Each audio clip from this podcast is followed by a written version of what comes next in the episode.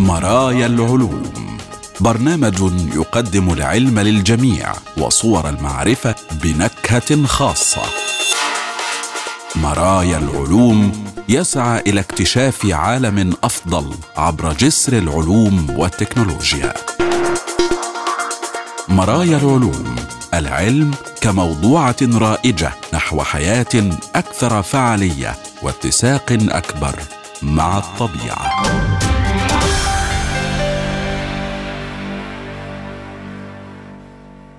أهلا بكم مستمعينا الكرام وحلقة جديدة من مرايا العلوم حيث العلوم والحياة وصور المعرفة وتردداتها بلا حدود والسعي نحو غد أفضل يتسع للجميع ويفتح ذراعيه لعقول السلام. معكم أحمد أحمد وفي هذه الحلقة. تهديد الأثرياء لمياه الأرض ومغناطيسية الجرافين وثلوج المريخ في قشرته الصلبة. البداية نشرة العلوم.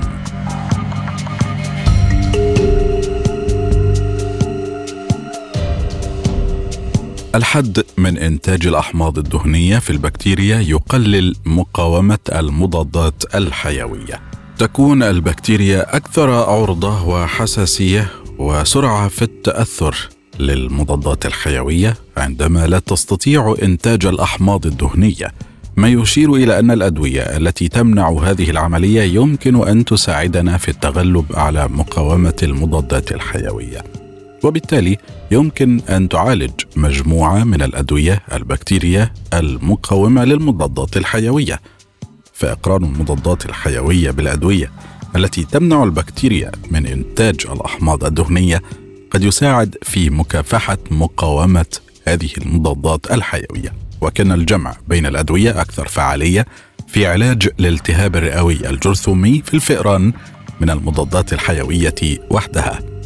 تطور البكتيريا مقاومة للمضادات الحيوية منذ أن تم تطوير الأدوية منذ حوالي قرن من الزمان. الآن مجموعة فرعية صغيرة فقط من هذه الأدوية يمكنها علاج بعض مسببات الأمراض وحتى هذه تفقد فعاليتها. اختبر علماء مجموعة من الأدوية على سلالتين مختلفتين من خمس بكتيريات. كانت إحدى السلالات مقاومه للكوليستين وهو مضاد حيوي أخير يرتبط بالأحماض الدهنية في أغشية الخلايا من أجل التسلل وقتل البكتيريا.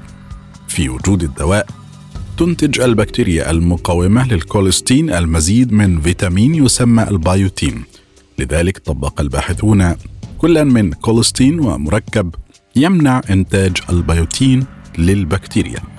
بعد 18 ساعة قاموا بقياس فعالية العلاج من خلال تحليل مدى منع زوج الدواء من نمو البكتيريا مقارنة بأي دواء بمفرده. هذا المقياس المسمى مؤشر التركيز المثبط الجزئي FIC يتراوح من صفر إلى واحد وتشير الأرقام الأصغر فيه إلى فعالية أكبر.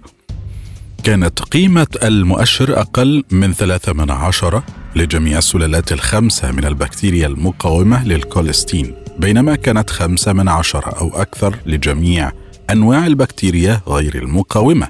يشير هذا إلى أن منع إنتاج البيوتين يزيد من القابلية للمضادات الحيوية ولكن فقط في البكتيريا المقاومة للأدوية. يقول الباحثون اتضح أن البيوتين ضروري تماما للبكتيريا لسبب واحد وهو أن يكون عاملا مساعدا في تخليق الأحماض الدهنية.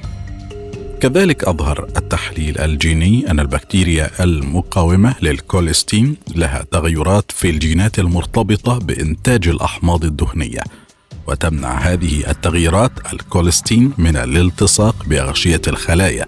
على هذا النحو يجب أن يؤدي ضعف إنتاج الأحماض الدهنية إلى زيادة قابلية البكتيريا المقاومة للمضادات الحيوية للكوليستين. ولاختبار ذلك أصاب الباحثون 18 فأرا ببكتيريا Klebsiella pneumoniae المقاومة للكوليستين وهي البكتيريا المسببة للالتهاب الرئوي. تلقت أعداد مساوية ومتساوية من الفئران إما كوليستين وهو دواء يمنع تخليق الأحماض الدهنية أو الاثنين. أظهرت عينة الدم التي تم جمعها بعد سبع ساعات أن الفئران التي أعطيت كلا العقارين كانت تحتوي على بكتيريا أقل بنسبة 99.9% من تلك الموجودة بالمجموعات الأخرى ما يشير إلى أن اقتران الدواء يتغلب على مقاومة المضادات الحيوية. ومع ذلك فإن الأدوية التي تثبط الأحماض الدهنية غير متاحة حاليا للبشر. يقول الباحثون بالتأكيد أكبر قيد هو أنه لا يمكن لأحد التصرف بناء على هذه المعلومات على الفور. ومع ذلك لا تزال النتائج تقدم هدفا علاجيا جديدا لمقاومة المضادات الحيوية. كما توفر أدلة حول كيفية عمل الكولستين يقول الباحثون كلما تعلمنا المزيد عن كيفية عمل عقاقير مثل الكولستين كان من الأفضل تطوير أصناف جديدة تماما من المضادات الحيوية. ربما كان الثلج يتساقط على سطح المريخ منذ 400 ألف عام.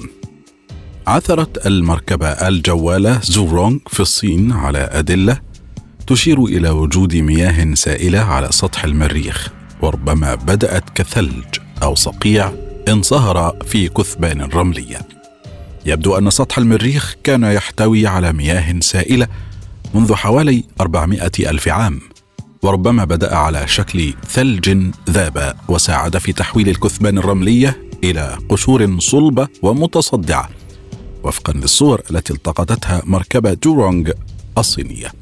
تشير الكثير من الأدلة إلى أن المريخ كان يحتوي على رواسب ضخمة من الماء السائل في مرحلة ما من ماضيه القديم البعيد. ولكن من غير الواضح إلى متى استمرت هذه المياه إلى أي مدى وصلت إلى الماضي القريب للكوكب. الآن وجد الباحثون بالفعل شقوقا وقشورا وتكتلات من الجزيئات فوق الكثبان الرملية في سهل المريخ في يوتوبيا بلانيشا والتي لا يمكن تفسيرها إلا بالمياه السائلة منذ 400 ألف عام إلى مليون ونصف المليون من السنوات التي مضت. يقول العلماء الكثبان الرمليه هي شكل أرضي أكثر حداثة. هذه القشور على أسطح الكثبان قد جمدت الكثبان الرملية ومنعتها من الحركة. أدى وجود أملاح معينة في الرمال إلى اعتقاد الفريق العلمي الذي يبحث هذه المسألة أن الماء قد سقط في الأصل على الكثبان الرملية على شكل ثلج أو صقيع ثم ذاب فيما بعد واختلط بالرمل ليشكل معادن رطبة. ثم تجمعت هذه المعادن معا وبمجرد تبخر الماء تم ترصيعها في مكانها. وتشكيل القشرة المتشققة التي تراها كاميرا العربه الجوالة. يقول الباحثون إن الآلية المقترحة لتشكيل هذه الشقوق بواسطة الصلادة القائمة على الماء مقنعة ولكن لا يزال هناك احتمال أن تكون قد تشكلت من خلال آلية جيولوجية مريخية أخرى. نحن لسنا على علم بها. على الأرض. وفيما يتعلق بعدد الكثبان الرملية التي شوهدت في بعثات المريخ الأخرى قد يكون من المفيد إعادة النظر في تلك الصور لمعرفة ما إذا كان يمكن العثور على ميزات مماثلة.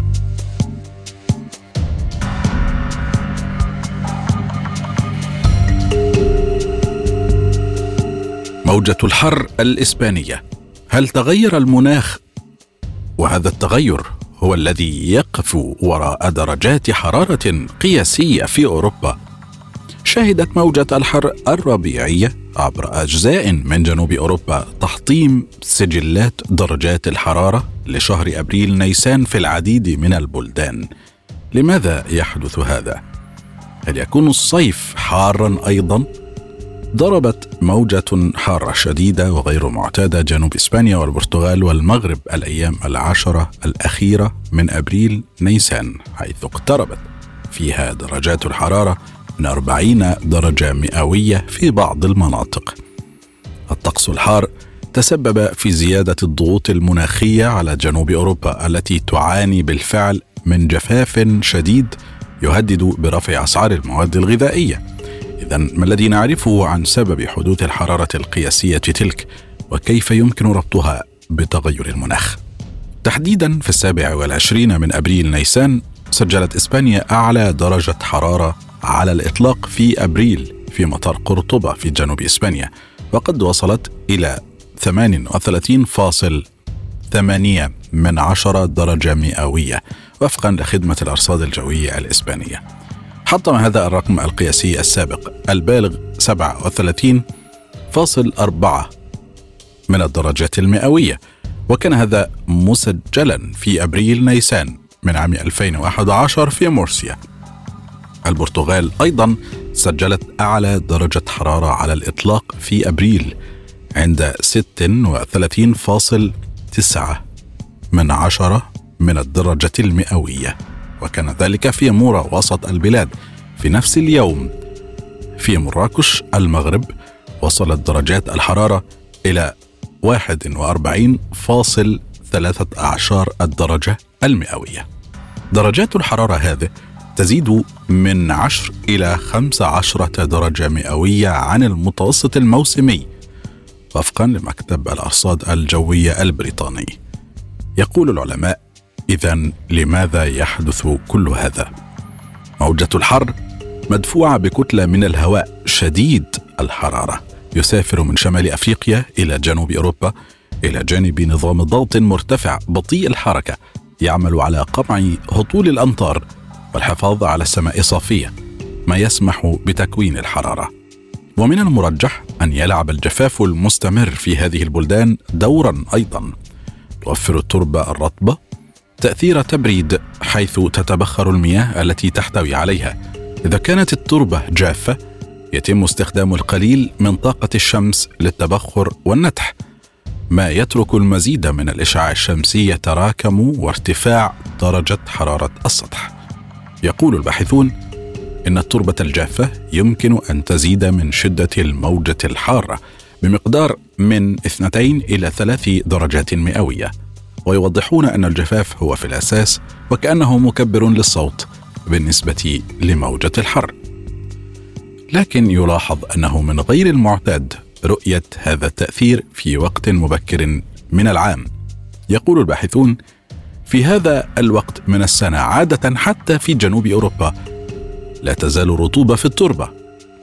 إذا ما هو تأثير تغير المناخ؟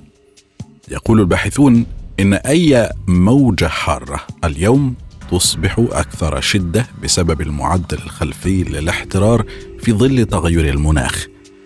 لكن الحجم الهائل لأحداث الحرارة الشديدة التي حطمت الرقم القياسي في السنوات الأخيرة يجب أن يثير القلق. في الواقع فإن جنوب أوروبا وشمال أفريقيا ليس الأجزاء الوحيدة من العالم التي تعاني من حرارة شديدة في الوقت الراهن. تعرضت منطقة جنوب شرق آسيا أيضا لحرارة شديدة في الأسابيع الأخيرة حيث سجلت درجات حرارة قياسية تصل إلى 45 درجة مئوية. كان هذا التسجيل قد تم في محطات المراقبة عبر تايلاند ولاوس وميانمار وفيتنام في وقت سابق من الشهر. يقول العلماء من المفترض أن تكون هذه المستويات نادرة جدا هذه الأيام لكنها تحدث في كل مكان. أيضا هناك بعض الأدلة الناشئة التي تشير إلى أن درجات حرارة سطح البحر الباردة في شمال المحيط الأطلسي قد تؤثر على حدوث الحرارة الشديدة في أوروبا من خلال التأثير على حركة التيار النفاث وتيارات المحيط. هل هذا يعني أن الصيف سيكون حارا أيضا؟ لا تعطي موجة الحر الحالية لخبراء الأرصاد الجوية سوى القليل من المؤشرات حول ما سيحدث خلال أشهر الصيف في نصف الكرة الشمالي ومع ذلك إذا استمر الجفاف فقد تكون أوروبا وشمال أفريقيا أكثر عرضة للحرارة الشديدة إذا ضرب نظام الضغط العالي في وقت لاحق من هذا العام. يقول علماء من السابق لاوانه تحديد ما ستعنيه درجات الحرارة القصوى في الربيع بالنسبة للقيم في الصيف. لكن الأرض الجافة ستعني أن المزيد من ظروف الموجات الحارة يمكن أن تؤدي إلى درجات حرارة أعلى في وقت لاحق من العام. على النقيض من درجات الحرارة الشديدة في جنوب أوروبا واجه الكثير من شمال وشرق أوروبا بما في ذلك المملكة المتحدة درجات حرارة أقل من المتوسط هذا الأسبوع. إذا لماذا لا يزال الجو باردا في المملكة المتحدة وفي شمال أوروبا؟ يقول العلماء بينما تجلب موجة التيار النفاث الهواء الدافئ فوق جنوب غرب أوروبا يتم سحب الهواء البارد من القطب الشمالي فوق المملكة المتحدة وشمال أوروبا لكن يتوقع خبراء الأرصاد أن تنتهي موجة البرد في غضون الأيام القليلة المقبلة ما يجعل درجات الحرارة أقرب إلى المتوسط في معظم أنحاء المملكة المتحدة مثلا بحلول الأيام التالية.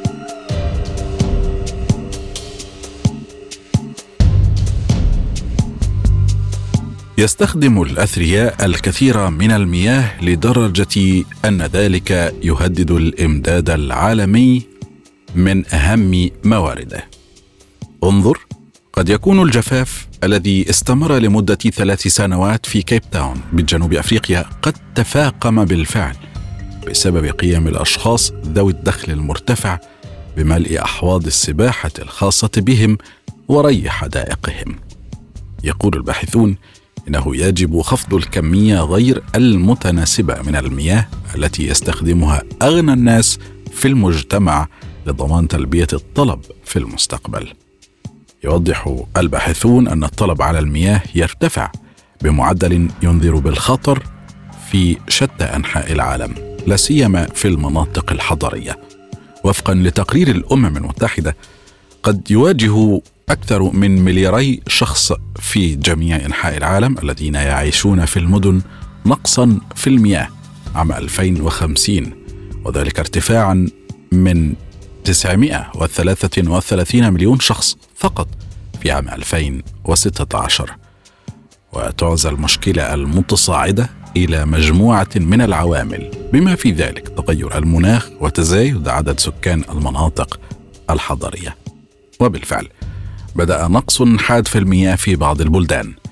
في كيب تاون بجنوب أفريقيا أدى الجفاف هناك بين عامي 2015 و 2018 إلى انخفاض مستويات الخزانات في المدينة إلى 12% من مستوياتها المعتادة فقط. تم إخبار الناس بالحد من استخدامهم المياه لتجنب يوم ينفد فيه إمداد المدينة. ويشار إليه على نطاق واسع باسم اليوم صفر.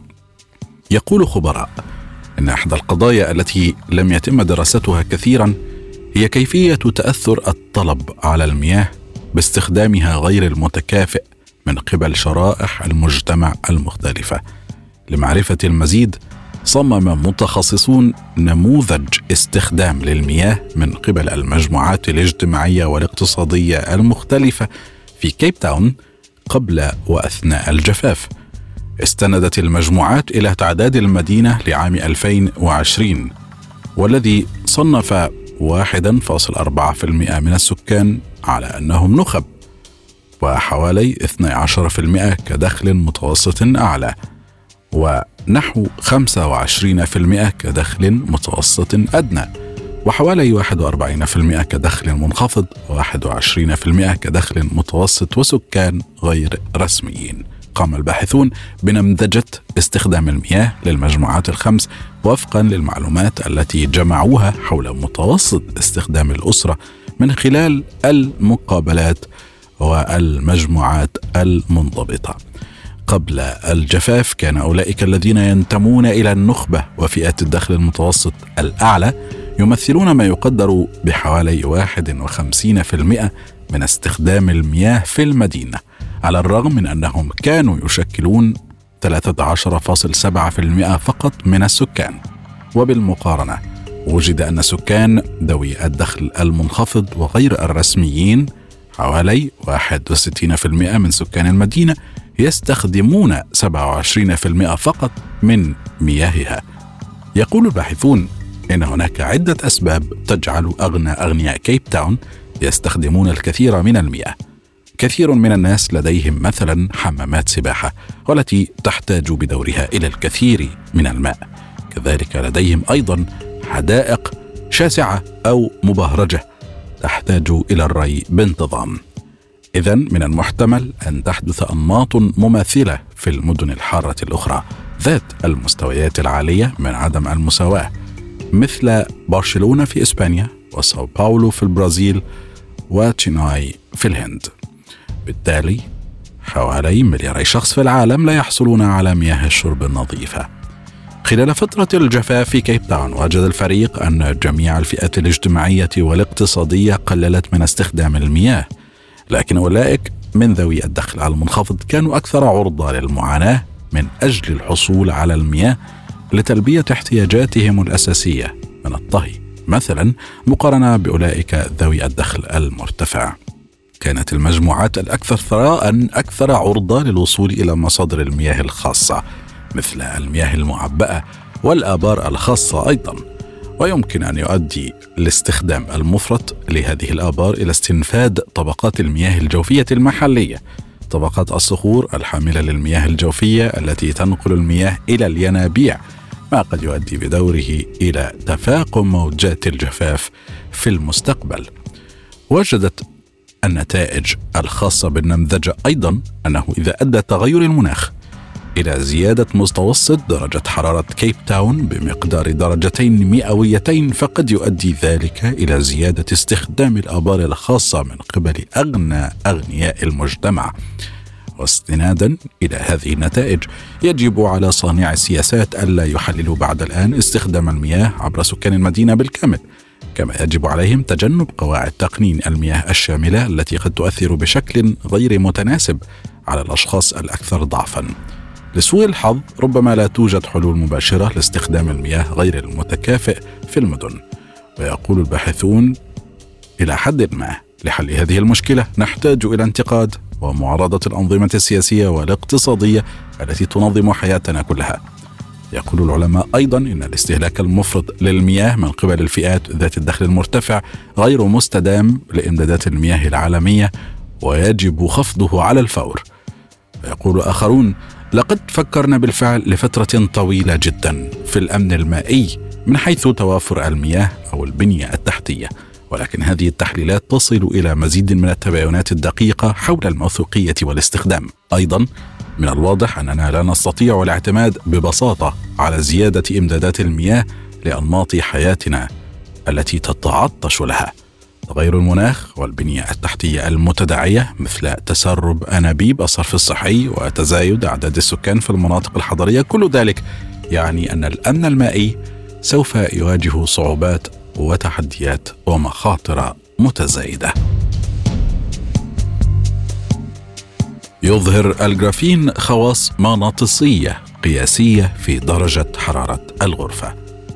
يمكن أن يغير الجرافين مقاومته الكهربائية استجابة لمجال مغناطيسي أسرع من المواد الأخرى مثل الجرافيت أو البزموث ما قد يغير يوما ما كيفية تخزيننا للبيانات. الجرافين مادة ثنائية الأبعاد تستخرج من الجرافيت مع وجود ذرات متصلة في شبكة سداسية. وبعد ما يقرب من عشرين عاما من اكتشاف الجرافين تشير الأبحاث إلى أنه أكثر المواد مقاومة للمغناطيسية التي نعرفها. يصف هذا قدرته على زيادة أو تقليل مقاومته الكهربائية استجابة لمجال مغناطيسي والذي يمكن أن يكون له يوما ما تطبيقات لكيفية تخزين البيانات. تم ترتيبه بالفعل على شكل صفيحة من ذرات الكربون في هيكل يشبه قرص العسل وكان الجرافين وهو الماده الثنائية الأبعاد المستخرجة من الجرافيت كان معروفا بالفعل أنه أقوى من الماس وقادر على توصيل الكهرباء بشكل أفضل كثيرا من النحاس. الآن اكتشف باحثون أن المادة هذه لديها مقاومة مغناطيسية غير مسبوقة في درجة حرارة الغرفة. وللكشف عن هذا قام الفريق اولا بتطبيق مجال كهربائي على بعض الجرافين لمعادلة عدد حاملات الشحنة المسؤولة عن تكوين التيار الكهربائي للمادة. وتتكون هذه الحاملات من إلكترونات لها شحنة سالبة وثقوب لها شحنة موجبة. الجرافين الأصلي الذي لا يحتوي على عيوب في تركيبه ويكون على شكل قرص العسل يشتمل على عدد متساو من الإلكترونات والثقوب ونظرا لصعوبة إنتاج. مثل هذا الجرافين استخدم الباحثون مجالا كهربائيا لضبط بنية الجرافين المعيب ما يمكنهم من البحث عن المادة في حالة أكثر نقاء.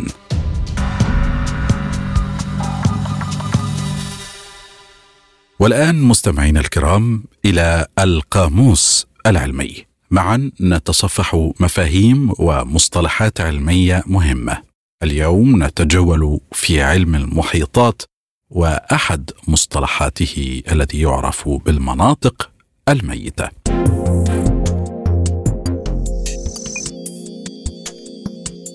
هو مصطلح يقصد به المناطق التي تنخفض فيها نسبة الأكسجين في المحيطات والبحيرات الكبيرة في العالم بسبب التلوث المفرط الناجم عن الأنشطة البشرية. إلى جانب عوامل أخرى تستنفد الأكسجين المطلوب لدعم الحياة البحرية في قاع المحيط. وفي السبعينيات من القرن العشرين بدأ علماء المحيطات ملاحظة لتزايد حالات المناطق الميتة. وتحدث هذه المناطق بالقرب من السواحل المأهولة بالسكان. في عام 2004 تم الإبلاغ عن حوالي 146 منطقة ميتة في محيطات العالم عن طريق الكتاب السنوي الأول لتوقعات البيئة العالمية حيث لا يمكن دعم الحياة البحرية بسبب مستويات الأكسجين المنخفضة لكن ما الأسباب لوجود وحدوث هذه المناطق؟ قد تنتج المناطق الميتة المائية والبحرية عن زيادة العناصر الغذائية خاصة النيتروجين والفوسفور في الماء المعروفة باسم فرط المغذيات. تعد هذه المواد الكيميائية اللبنات الأساسية للكائنات وحيدة الخلية والكائنات العضوية التي تشبه النباتات التي تعيش في عمود الماء. والتي يكون نموها محدودا جزئيا بسبب توفر هذه المواد. قد يؤدي فرط المغذيات. هذا إلى زيادات سريعة في كثافة أنواع معينة من العوالق النباتية وهي ظاهرة تعرف باسم انتشار الطحالب. عالم المسطحات المائية الداخلية الشهير دكتور ديفيد شندلر الذي أدى بحثه في منطقة البحيرات التجريبية إلى حظر استخدام الفوسفات الضار في المنظفات حذر أيضا من ازدهار الطحالب وتزايد المناطق الميتة. وقال لم تختفي أزهار الطحالب التي تقتل الأسماك وتدمر البحيرات الكبرى في ستينيات القرن العشرين وسبعينياته. انتقلت غربا إلى عالم قاحل يفرض فيه الناس والصناعه والزراعه ضرائب متزايدة على جودة المياه العذبة القليلة التي يمكن الحصول عليها. وهذه ليست مجرد مشكلة في سهوب البراري.